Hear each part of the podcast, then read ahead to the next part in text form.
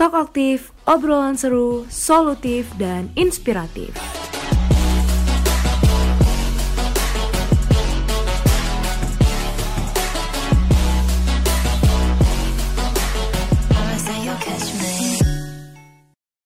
Halo semuanya, selamat pagi, selamat siang, selamat sore, dan selamat malam. Welcome back to Talk Aktif. Ketemu lagi nih sama aku, Rizky Salsabila, biasa dipanggil Eki. Sebelum itu, aku mau berterima kasih ke kalian semua yang udah mau nyempetin waktunya buat dengerin podcast aku. Yeay! Gimana pun kalian berada, kegiatan apa pun yang lagi kalian lakuin sekarang, aku akan menemani kalian dengan suara sleep call able ini. Haha. Oh ya, sebelum itu aku mau ucapin happy birthday KMS BIB yang ke-22. Semoga ke depannya kita makin sukses ya. By the way nih, sebagai mahasiswa, pasti kita pernah berpikir untuk mengikuti organisasi yang ada di lingkup universitas. Tapi gak jarang kita juga pengen mengikuti magang untuk mendapat pengalaman terjun di dunia kerja secara langsung. Alhasil kita bimbang harus memilih antara mengikuti magang atau organisasi. Oleh karena itu, di Talk Aktif kali ini aku akan membawakan tema magang atau organisasi, kamu pilih yang mana? Eits, tapi sebelum itu, aku mau kasih tahu ke kalian nih, kalau di Talk Aktif kali ini, aku ditemani sama narasumber yang keren abis, kece abis, ah pokoknya idaman banget lah buat para cewek-cewek di luar sana. Langsung aja kita panggil ya. Halo Kayong, apa kabar? Halo Eki, Alhamdulillah kabar baik. Kalau kamu gimana nih kabarnya? Alhamdulillah deg-degan tapi luar biasa Allahu Akbar ya kak. Alhamdulillah. Oke, okay, kakak lagi di mana nih sekarang? Aku posisi kebetulan lagi ikut pertukaran pelajar Indonesian International Student Mobility Awards di Malaysia. Jadi sekarang aku lagi stay di Malaysia. Oh my god, tuh kan bener narasumber kita tuh kece parah. Dia bahkan sekarang ada di Malaysia, tapi dia tetap nyempetin waktunya buat jadi narsum kita. Keren banget. Oh ya kak, aku mau tanya nih, kesibukan kakak apa sih sekarang? Kebetulan sekarang aku lagi develop startup, itu namanya Peta Careers. Ini aku sedikit slow selling ya teman-teman. Jadi buat yang kepo, bisa datengin Instagramnya di @peta_careers. Terus aku juga lagi ikut development program, itu namanya XL Future Leaders. Terus lagi ngikutin pertukaran belajar dan ya kuliah aja sih di sini lumayan banyak tugasnya by the way gitu gila-gila keren banget sumpah aku kalau jadi kakak kayaknya aku gila deh gak, bercanda Oke deh, sekarang aku persilahkan Kayong untuk memperkenalkan diri. Silahkan Kak. Oke, salam kenal teman-teman. Ya, mungkin aku izin kenal diri ya. Jadi nama aku Yong Irwana, aku mahasiswa angkatan 2019. Sekarang lagi semester 6 nih di FISIP, artinya di program studi ilmu pemerintahan. Gitu. Terus aku punya minat dan passion nih, passionate banget sama yang berbau-bau karir. Especially lagi zaman-zaman sekarang ini kan lagi ngetrend banget ya, lagi booming. Jadi aku kayak trying to ride the wave gitu, kayak lagi tren-tren gini, kayak apa aja nih yang bisa aku pelajarin dari momentum ini gitu. Salam kenal ya teman-teman. Oke Kak, kita lanjut aja langsung ke topik kita nih. Oke kak, jadi di sini kan aku mau bahas mengenai magang dan organisasi ya kak. Nah sebagai mahasiswa pasti kita tuh pernah mikir untuk mengikuti organisasi yang ada di lingkup universitas. Tapi nggak jarang juga kita tuh pengen ikut magang buat mendapat pengalaman terjun di dunia kerja secara langsung. Alhasil kita tuh jadi bimbang harus memilih antara mengikuti magang atau organisasi. Nah sepengetahuan kakak nih, organisasi sama magang tuh apa sih kak? Terus apa bedanya baik dari sisi positif maupun negatifnya? Oke, jadi untuk organisasi dan magang ini, aku pengen kita bersama-sama maknain ini sebagai salah dua tempat untuk kita berkembang ya teman-teman. Jadi sebenarnya di luar organisasi dan magang, teman-teman juga bisa ikut project bareng dosen, ikut lomba, terus juga mungkin project-project kayak volunteering, social volunteer segala macam. Kalau untuk ditanya pendapatnya sendiri, sederhananya aku ngeliat organisasi itu tempat kita untuk tanda kutip berbuat salah gitu. Jadi di mana tempat kita bisa berbuat salah tanpa harus takut konsekuensi yang serius. Ibaratnya aku, lihat saya aku melakukan miscommunication di organisasiku, terus kayak saya lupa ngobongin pembicara terus apa ya konsekuensinya? Ya udah paling parah itu timeline mundur. Cuma aku nggak harus ganti duit dari universitas atau aku nggak bakal dipecat aku nggak bakal dikasih segala macam. Paling di remind kalau misalkan harus gini gini gini. Kalau magang itu kurang lebih sama. Uh, dari pengalaman magang dan organisasi yang aku ikutin tuh banyak banget kemiripannya. Cuman kalau magang ini lebih utamanya tuh ada yang harus kita pertanggungjawabin itu aja sih. Jadi kayak udah masuk atau terjun ke real life sementara di organisasi ini kita masih bebas banget berbuat salah gitu. Jadi aku memahaminya secara dasar kayak gitu sih perbedaan dari magang dan organisasi. Terus tadi mungkin plus minusnya gitu ya Ki. Oke, okay, Ya, mungkin aku mulai dari organisasi dulu. Uh, aku sempat ikut organisasi itu dari semester 1, 2, 3, 4, 5 ya sampai semester 5 tuh aku ikut sempat ikut yang di lingkup fakultas, terus ikut yang di lingkup univ juga, sampai juga ikut komunitas uh, radio juga gitu. Jadi kayak aku tuh orangnya emang suka banget explore explore gitu apa sih yang seru nih gitu gitu. Dan dari uh, beberapa experience tersebut tuh aku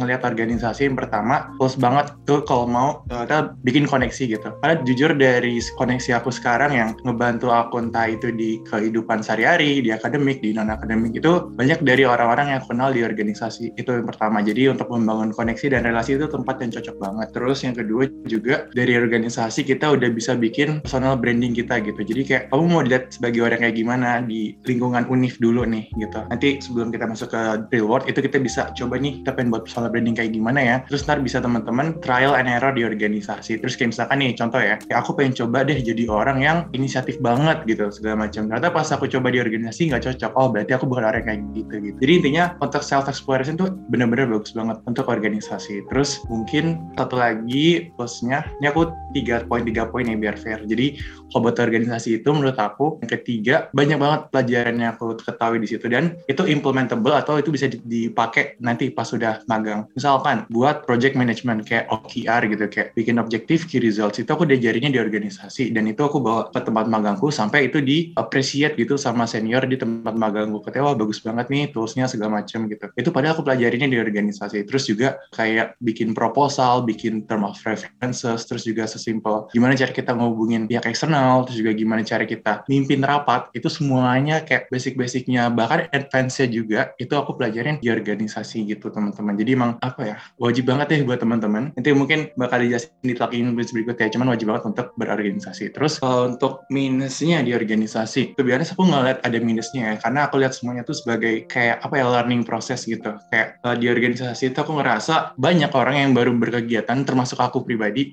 Aku dulu di SMA boro-boro pulang cabut, pulang cabut, pulang main warnet atau kayak ke mana gitulah, kayak udah terserah hidup ke mana aja gitu. Cuman aku baru terjun nih di organisasi atau berkegiatan gitu kepanitiaan segala macam tuh pas semester satu jadi staf muda di BEM fakultasku. Di situ kayak belajar banget, terus juga soft skill itu nggak sebetter sekarang lah gitu, kayak satu langkah di bawah sekarang gitu mungkin I would say. Terus di situ kayak ya gitu mungkin minusnya teman-teman bakal nemuin banyak banget dinamika di organisasi. Tapi aku lihat itu sebagai learning process. Jadi kalau dibilang sebagai minus agak kurang tepat ya. Cuman ya teman-teman juga bakal ngerasain lah kayak ada yang BPH-nya ini gimana sih BPH maunya apa terus juga ini staff Belgi banget hilang-hilangan ke mana deh segala macam itu proses sebenarnya. Jadi aku nggak bisa bilang itu minus. Cuman itu sesuatu yang aku hampir nggak pernah temuin ke tempat magang karena especially di tempat magang yang udah pay terus juga udah well established ya kayak gitu ya perusahaannya tinggal cari employee baru aja kan sesimpel itu. Terus kita move on ke magang. Nah ini yang lagi trending banget nih semenjak corona. Termasuk aku juga angkatan corona sempet beberapa internship aku tuh WFO cuman tetaplah angkatan corona gitu banyakan di rumahnya. Jadi kalau dari beberapa experience yang aku bisa ambil itu yang pertama apa ya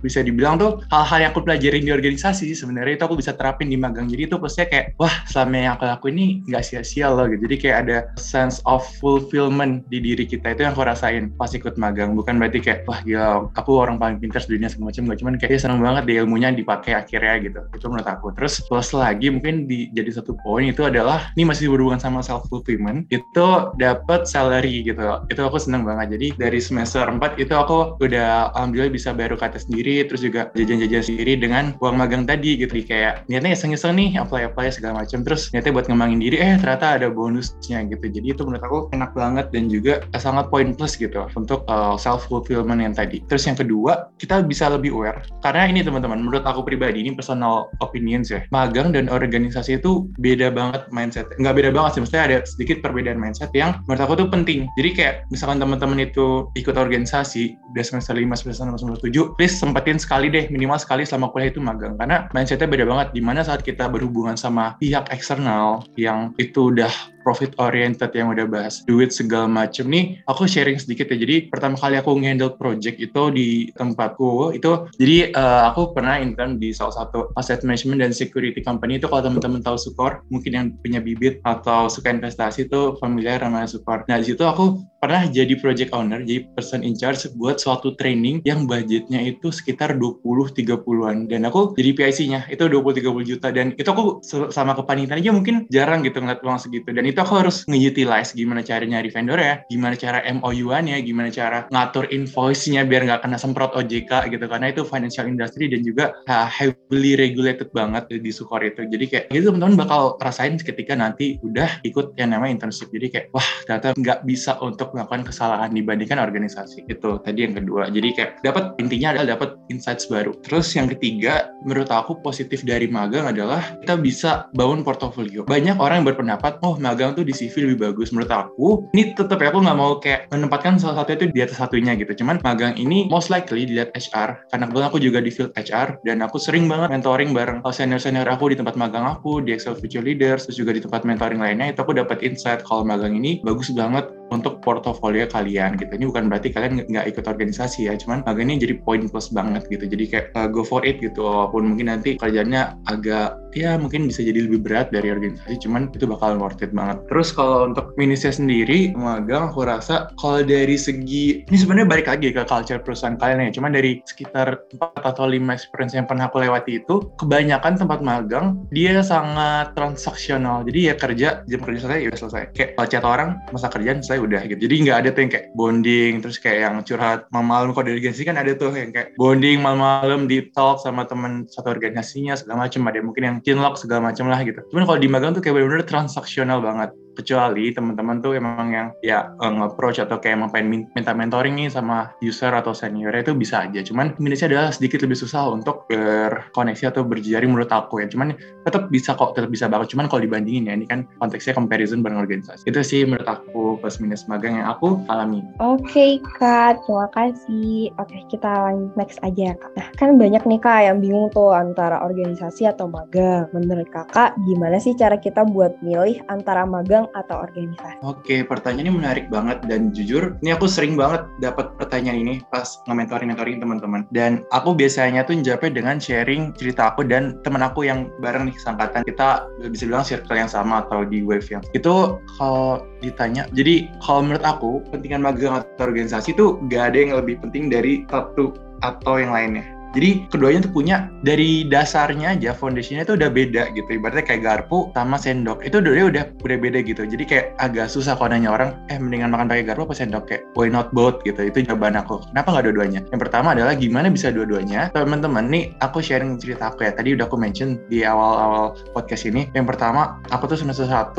semester 2, semester 3, semester 4 sampai semester 5 tuh aku ikut organisasi. Jadi aku mulai dari staff muda di fakultas, staff ahli di Unif, terus ikut-ikut uh, staff ahli juga di radio, terus jadi BPH di Unif lagi itu uh, menurut aku tuh yang bikin aku foundation untuk bisa terjun di dunia magang. Itu penting banget. Jadi selain kalian bikin foundation portfolio, coba gini deh, kalian daftar internship. Misalkan baru, nih yang aku temuin banget sekarang nih kayak marak banget. Kayak misalkan orang baru daftar kayak kayak mau tanya gimana ya cara masuk ruang guru? Kamu semester berapa? Semester 2 udah pernah ikut organisasi nggak? Aku nggak mau organisasi kak. Maunya magang aja gitu. Iya gimana ya? Maksudnya gini teman-teman kan bakal bersaing sama ratusan atau mungkin ribuan orang. Kemarin aku ikut itu sekitar lima ribu atau berapa puluh ribu orang itu. Dan ya tentunya HR ngeliatnya yang udah punya pengalaman dong. Kayak gimana cara kita buktiin kita punya kemampuan selain dengan ikut kegiatan atau ikut lomba-lomba atau ya platform lainnya lah nggak harus magang magang atau organisasi gitu. Tentunya kita harus bisa convince HR tadi, teman-teman. Nah, gimana cara convince-nya? Ya lewat portofolio kita.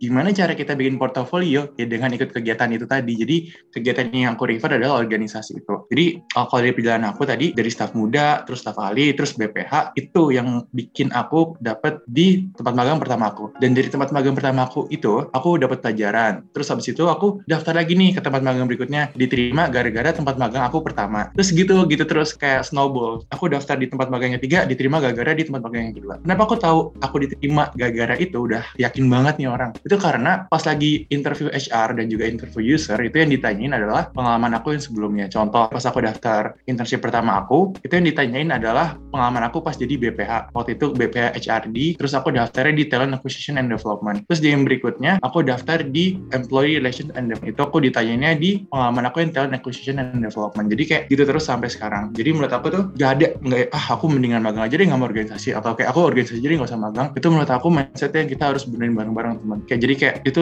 jalan berbarengan gitu lebih baik dan juga aku yakin itu bakal lebih ngasih impact positif buat kalian gitu. Oke kak, berarti tuh organisasi tuh kayak termasuk step untuk masuk ke magang gitu ya kak ya? Iya, jadi bisa dipahamin sebagai kayak gitu secara portofolio, jadi kayak untuk meyakinin HR atau recruiter tadi dan juga secara experience. Jadi ini jangan sampai salah nanggepin ya teman-teman cerita aku tadi. Ntar teman-teman banyak nih yang ikut organisasi, ah aku bisa dengar podcast ini kata Kayang harus ikut organisasi yang banyak segala macam gitu. Ntar ikut organisasi yang banyak cuman hilang-hilangan. Nah itu jangan ya. Jadi kalian juga harus dapat ilmu atau pelajaran dari yang kalian ikuti gitu. Itu malah lebih bagus quality over quantity gitu. Oke kak, oh ya kak, benefit apa sih yang bisa kita dapetin ketika mengikuti organisasi dan magang? Oke, jadi terkait benefit. Nah, ini pasti ya udah jadi alasan orang-orang ya untuk ikut magang atau organisasi itu pasti nyari suatu benefit di dalamnya. Mungkin kalau di organisasi dulu, itu yang pertama adalah soft skill. Teman-teman pasti bakal notice banget. Kalau misalkan nanti udah terjun di dunia internship atau udah ngobrol mungkin sama saudaranya atau sama siapa pun yang sekiranya udah terjun di dunia profesional atau sama mentor ya. Orang-orang yang ikut organisasi atau mungkin aktif ngembangin soft skill ya. Ini aku emphasize ya, ngembangin soft skill tuh banyak wadahnya. Jadi kalau ini konteksnya organisasi, ntar teman-teman bakal notice nih di tempat kerja kayak orang yang aktif di organisasi, terus juga orang yang aktif ngembangin soft skillnya tuh cara kinerja dan performance di dunia profesional tuh bakal kelihatan banget bedanya. Kayak gimana cara dia control change, managing changes, terus gimana cara dia managing konflik, gimana cara dia communicate secara dari intonasinya tuh udah kedengeran gimana kayak orang yang sering rapat zoom zoom zoom zoom nih,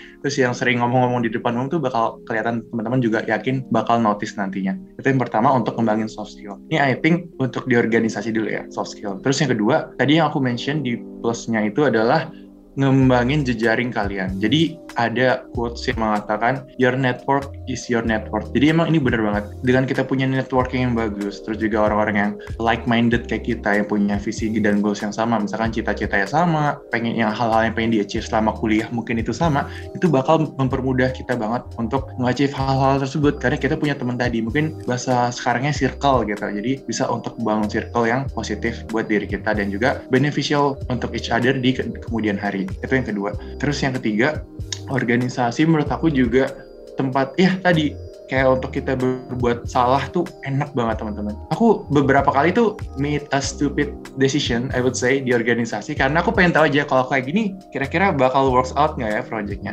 Eventually works out gitu. Jadi aku nemu cara baru untuk uh, solve suatu problem yang baru juga gitu. Jadi seru banget kayak benar-benar tempat yang bereksperimen yang seru. Jadi menurut aku nih ini agak sedikit mas aja sih kalau teman-teman organisasi atau apa jangan kayak baper-baperan gitu ya teman-teman karena zaman aku tuh kayak banyak lumayan banyak dramanya di beberapa kesempatan. Jadi ya itu tekstil saja jadi tempat pembelajaran yang asik bareng teman-teman kalian yang like minded tadi yang aku mention terus kalau untuk benefit tempat magang pertama itu kalian bisa belajar hard skills jadi kalau di organisasi aku rasa lebih banyak soft skill ya karena misal teman-teman ikut jadi uh, BEM gitu kan jadi staff. Nah di staff itu kan pasti desain ke kepanitiaan kepanitiaan ya ada yang jadi panitia ini jadi acara eh tiba-tiba jadi DDM eh tiba-tiba jadi humas gitu. Jadi emang diverse banget kan kalau organisasi. Nah kalau di tempat magang itu kita bener-bener fokus di hard skills. Kayak misalkan kamu daftar di marketing ya udah belajar gimana cara analytics social media gimana cara bikin campaign yang oke okay, terus gimana cara bikin strategi for growth segala macam jadi kayak terfokus banget dan udah technical gitu. Itu menurut aku benefitnya bagus banget untuk ngembangin hard skills. Terus yang kedua juga nggak bisa dipungkirin ya,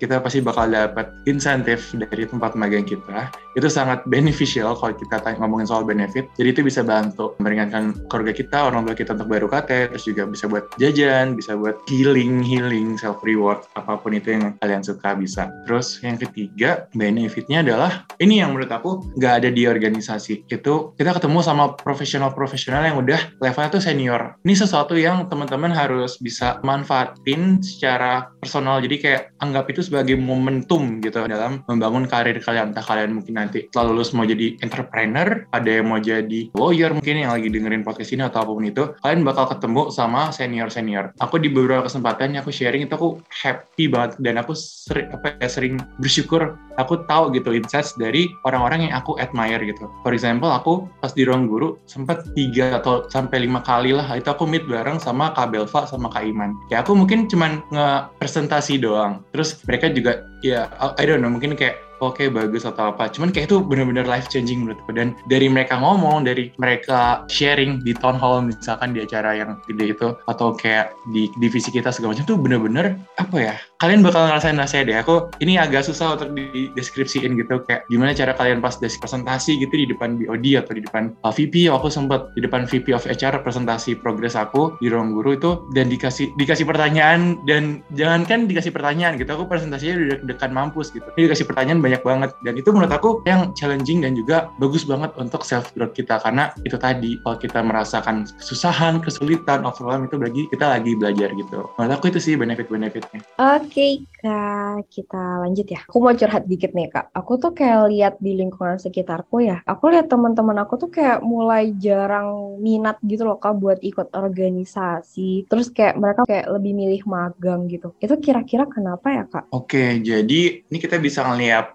momentum yang tadi Eki mention dan describe itu adalah I would say like social change. Like di perusahaan itu juga ngalamin hal, hal yang sama. Mungkin agak sedikit berbeda. Jadi kayak uh, workforce labor change juga jadi kayak transisi di mana orang-orang yang tadinya itu WFO jadi WFH terus orang-orang yang di mana tadinya tuh nyari gaji yang gede sekarang nyari well-being yang bagus dari suatu perusahaan kayak mungkin orang dulu pengen kayak masuk perusahaan-perusahaan gede yang gajinya gede terus orang-orang sekarang tuh lebih menjurus ke orang mana yang bisa work from anywhere, mana yang bisa nih uh, di jam kerja aku bisa ngurus keluarga juga segala macam. Jadi emang transisi ini sebenarnya nggak hanya ada di dunia perkuliahan juga ya. Ini teman-teman FYI aja. Terus kalau untuk yang tadi itu kenapa banyak? Ya tadi related banget. Ini ada uh, impactnya dari pandemik gitu teman-teman. Jadi selama pandemi ini kita bisa tahu deh kayak info magang tuh banyak banget, bener-bener banyak sebanyak dulu mungkin pas kita masih kuliah offline normal sebelum pandemi itu sangat jauh berbeda.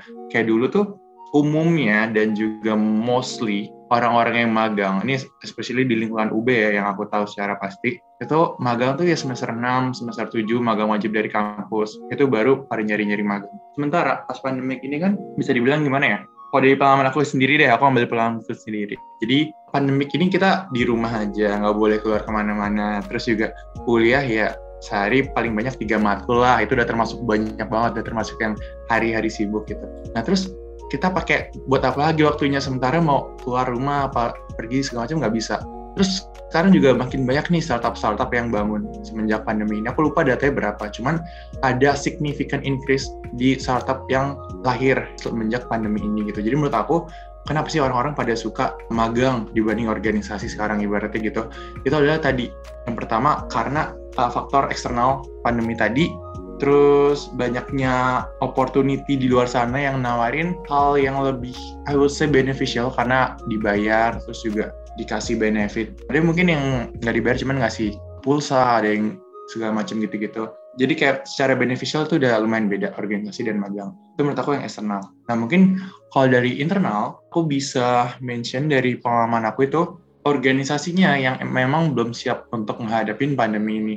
Baik itu dari prokernya, baik itu dari struktur ya ibaratnya struktur yang ada selama pandemi ini di organisasi itu masih sama aja kayak sebelum kita pandemi. Jadi kayak online dan juga offline tuh nggak ada bedanya. Sementara company-company itu udah transitioning kayak ada yang pakai Slack, ada yang pakai Microsoft Teams, terus juga ada yang integrasi semuanya itu di Google Calendar segala macam. Cuman sepenangkapan aku dan pengalaman aku itu untuk di organisasi masih kurang. Jadi kayak chat masih ya di WhatsApp aja, di lain aja. Jadi kayak kecampur tuh urusan keluarga, urusan main dan juga urusan kerjaan di organisasi. Jadi menurut aku ketidaksiapan di organisasi itu juga jadi salah satu pemicu kenapa orang-orang tuh jadi malas ikut organisasi. Kayak ah masa organisasi ini organisasi itu. Jadi kayak kita ngeliat flaws flawsnya nih semenjak magang ini mulai marak muncul.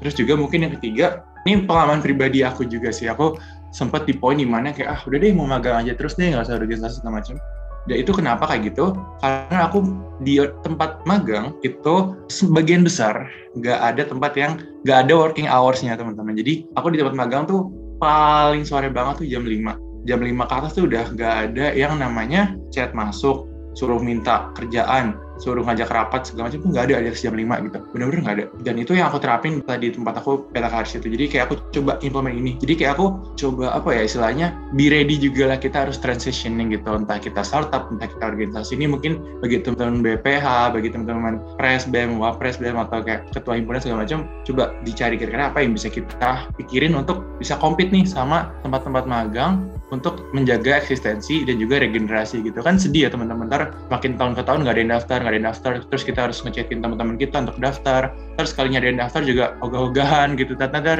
dia ikut magang terus ditinggal organisasinya. Itu kan jadi kita nggak punya tempat nih nggak ada wadah untuk melakukan kesalahan dan juga belajar yang kayak tadi aku mention gitu sih menurut aku itu sih dua faktor itu eksternal dan internal yang bikin orang tuh eh magang aja deh masuk organisasi gitu. Oke, okay. oke okay, mari kita next ke pertanyaan selanjutnya. Oke, okay. sedikit info nih kak, aku kan semester 2 ya OTW semester 3 amin otomatis masih semester muda lah ya aku ini aku tuh mending belajar di organisasi atau magang kak? oke okay, kalau menurut aku kalau ditanya tempat belajar organisasi atau magang kita aku jawab organisasi tapi itu jawaban yang terlalu singkat dan aku pengen ngasih saran juga nih buat teman-teman yang mungkin lagi mikir hmm aku gimana ya bisa maksimalin college life aku nih biar maksimal aja gitu biar nanti aku keluar ini udah job ready udah jadi entrepreneur ready apa pun itu you name it. Jadi kayak pertama ikut organisasi dulu teman-teman. Boleh teman-teman apply magang segala macam cuman organisasi itu apa ya? Tadi udah aku mention kayak tempat untuk kita berbuat salah tempat kita untuk berrelasi berkoneksi. Jadi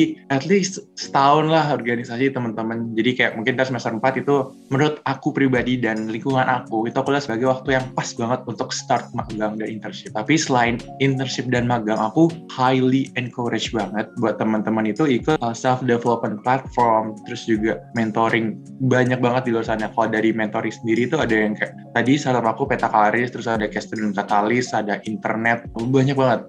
Terus juga kalau kayak uh, leadership development atau self development platform, teman-teman bisa ikut Excel Future Leaders, teman-teman bisa ikut yang Leaders for Indonesia, terus Indonesian Peer Leaders, segala macam. Jadi aku pengen semua yang dengerin podcast ini tuh jangan ikut salah satu aja. Ini aku bukan nunjuk, bukan minta tolong kayak ikut sebanyak-banyaknya gitu nggak. Cuman teman-teman bakal lebih bagus kalau misalkan organisasi jalan, jangan terlalu banyak. Karena ingat quality over quantity, jangan ikut 3, 5, tapi double device terus nggak ada esensinya jadi ikut satu aja atau dua aja yang kalian suka terus ikut self development ataupun career development platform itu sangat membantu banget kayak aku bisa bilang semua hal yang ada di otakku sekarang yang nge-shape aku itu adalah leadership development platform yang aku ikuti. Jadi kayak itu penting kalau misalkan ditanya organisasi atau magang ya buat belajar, jawabannya organisasi dulu kalau untuk semester muda.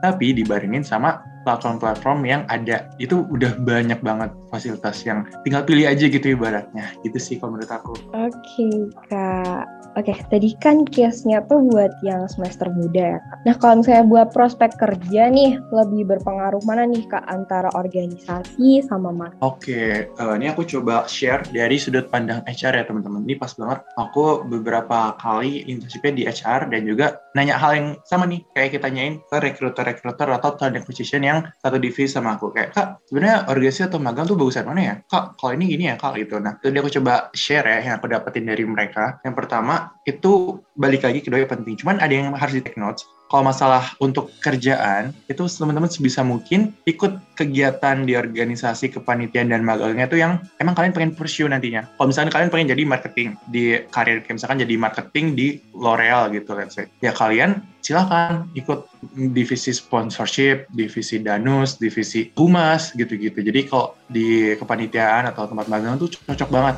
cari divisi yang cocok gitu. Terus misalkan kalian mau jadi tim research and development, ya udah kalian ikut Kementerian Inovasi dan Karya, kalian ikut uh, research and analysis, kalian di organisasi bisa ikut banyak lah kementerian-kementerian gitu.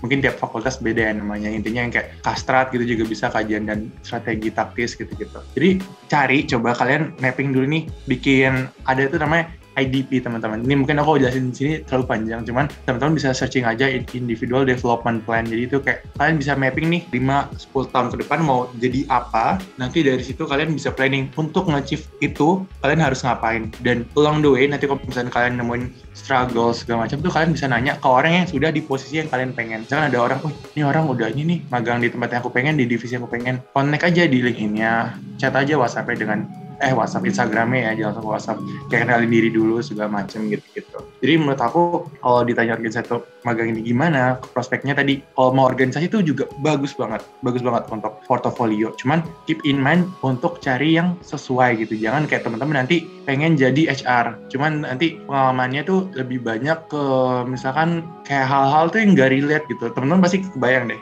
terus kayak misalkan pengen jadi public relation gitu di suatu company. Atau teman-teman jadi DDM atau mungkin teman-teman jadi uh, hal-hal yang nggak related gitu sekiranya uh, untuk role yang kalian pengen pursue. Atau mungkin bagus juga tapi angka lebih baiknya itu yang related ya teman-teman gitu. Terus juga organisasi ini sebenarnya beneficial kalau teman-teman ini secara portofolio ya. Bakal lebih impactful kalau kalian jadi BPH nah kalian kalau dapat kesempatan nih untuk jadi BPH itu ambil aja teman-teman. Karena itu impactful banget. Jadi kayak coba di organisasi ini mindsetnya adalah kalian bikin personal branding yang bagus dari kalian uh, staff muda atau mungkin dari awal ikut bikin staff branding yang bagus pelajarin divisi yang kalian suka dan divisi yang kalian pengen itu nanti untuk di pursue karirnya. Dan nanti kalian kalau dapat kesempatan jadi BPH jadi ketua divisi jadi apa pun itu namanya kalian ambil jangan disia-siain. Itu yang menjual banget. Itu yang masih ada di CV ku sampai sekarang walaupun udah ada pengalaman magang pengalaman beasiswa segala macam itu yang masih dipakai dan itu yang menjual leadership experience. Itu dia. Itu kuncinya teman-teman. Kalau untuk organisasi. Jadi saya kalau teman-teman ikut organisasi tapi ntar pas jadi BPH enggak deh aku jadi staff aja. Terus ntar teman-teman milih jadi staff gitu untuk yang berikut berikutnya padahal dapat kesempatan untuk jadi BPH. Jadi aku saranin ambil kesempatan untuk jadi leader gitu. Terus kalau yang tempat magang tadi kurang lebih sama sih dan kalau magang itu lebih praktikal ya teman-teman. Jadi bisa dibilang lebih menjual dibandingkan kalau teman-teman nanti ikut jadi staff atau apa. Kalau di compare ya, di compare gitu. Cuma kalau tadi aku mention yang leadership dan juga intern itu menurut aku punya posisi yang setara. Atau bahkan aku nemu juga banyak kasus di especially di kampus-kampus apa ya ITB, UI, UGM itu aku punya beberapa teman tuh yang nggak pernah ikut internship sebenarnya kayak kita bareng-bareng nih dari awal gitu. Tapi mereka nggak pernah ikut intern. Cuman di kampus itu dedicated banget. Dia jadi BPH jadi advisor jadi segala macem gitu. Dan di divisi yang related. Misalkan anak ITB dia di research and development segala macem. Dan sekalinya dia daftar magang di company yang gede itu langsung keterima gitu. Jadi kayak regardless sebenarnya digas dari universitas sih. Bukan harus kayak top 10 PTN atau top 50 top apalah top topan itu PTN jadi selama kalian punya pengalaman yang relevan intinya dan leadership skills itu bakal bagus banget regardless itu dari magang, internship, kampus, IPK. Nanti kalian punya pengalaman leadership dan juga pengalaman yang relevan gitu sih. Jadi menurut aku dulunya sangat bagus. Oke okay, Kak, tanpa terasa ini udah last question nih. Aku persilahkan buat Kak Yong untuk memberikan closing statement untuk teman-teman yang masih bingung untuk milih antara magang atau organisasi. Silahkan Kak. Oke, jadi buat teman-teman yang lagi di persimpangan jalan antara organisasi atau magang, itu saran aku adalah tadi ya, untuk kita, gini dulu masih teman-teman, jangan jadiin organisasi itu sama dengan magang, atau sebaliknya. Jadi bayangin organisasi ini taman kanak-kanak kalian, dan magang ini SD-nya atau mungkin organisasi ini tempat kalian latihan, magang ini tempat kalian exam gitu. Jadi aku ngeliatnya gitu teman-teman selama ini. Jadi kayak kalau masih semester-semester baru, teman-teman ini waktunya untuk nempas soft skill. Jadi kalau kalian misalkan nih udah pengen ikut magang dari semester 1 gitu dari baru daftar pengen ikut magang sementara mungkin di SMA juga belum begitu banyak experience-nya kayak aku tadi. Itu apa nanti yang mau dikasih apa yang mau di offer ke perusahaannya gitu? Jadi kayak perusahaannya nih kenapa mau bayar kamu sebagai anak magang hire kamu sebagai anak magang tapi belum bisa ada yang di offer kayak suruh buat Google Docs masih belum paham buat minta tolong buat Google Drive masih bingung segala macam. Itu itu yang kalian bakal pelajarin di organisasi dan itu yang bisa kalian offer nanti di tempat magang jadi saran aku buat teman-teman yang bingung kalau misalkan kalian rasa itu masih butuh belajar ini bukan berarti yang magang udah hebat segala macam cuman kalian pengen ngembangin diri itu ada di organisasi. Ngembangin diri tanpa harus ketakutan ini takut ini takut itu. Sementara kalau kalian udah merasakan siap dan emang pengen udah ah kayaknya udah siap nih untuk terjun ke dunia magang, go for it teman-teman. Cuman tadi aku ingetin nggak ada yang lebih baik di sama lain karena dua-duanya itu kayak sendok dan garpu. Jadi saling komplementari selama kalian berkuliah ini. Jadi kayak 3, 4, mungkin lima tahun journey kalian itu itu dia yang penting. Jangan sampai ada yang nggak diikutin. Least kalian harus ikutin organisasi dan juga magang. Dua itu harus dijalani sama kuliah. Intinya gitu sih. Jangan sampai ada yang ditinggalin. Gitu. Sama ini mungkin kalau closing assessment pinter-pinter cari organisasi teman-teman itu itu kata kuncinya. Jadi kalian berkembang atau enggak tuh dari organisasi yang kalian ikuti. Itu sih. Thank you. Oke. Okay. oke okay, sebelum aku tutup aku tuh uh, mau reminder nih ke kalian. Jadi intinya alangkah baiknya ketika kita semester muda kita tuh lebih baik pilih organisasi dulu. Karena di organisasi itu kita kayak organisasi itu tempat kita berbuat salah tanpa harus takut konsekuensi yang serius. Di organisasi juga kita bisa menambah koneksi bisa bikin personal branding dan juga menambah banyak pelajaran untuk nanti di magang gitu oke teman-teman oke deh karena udah selesai nih aku Eki izin pamit undur diri ya semuanya. Sampai ketemu di talk selanjutnya. Bye-bye.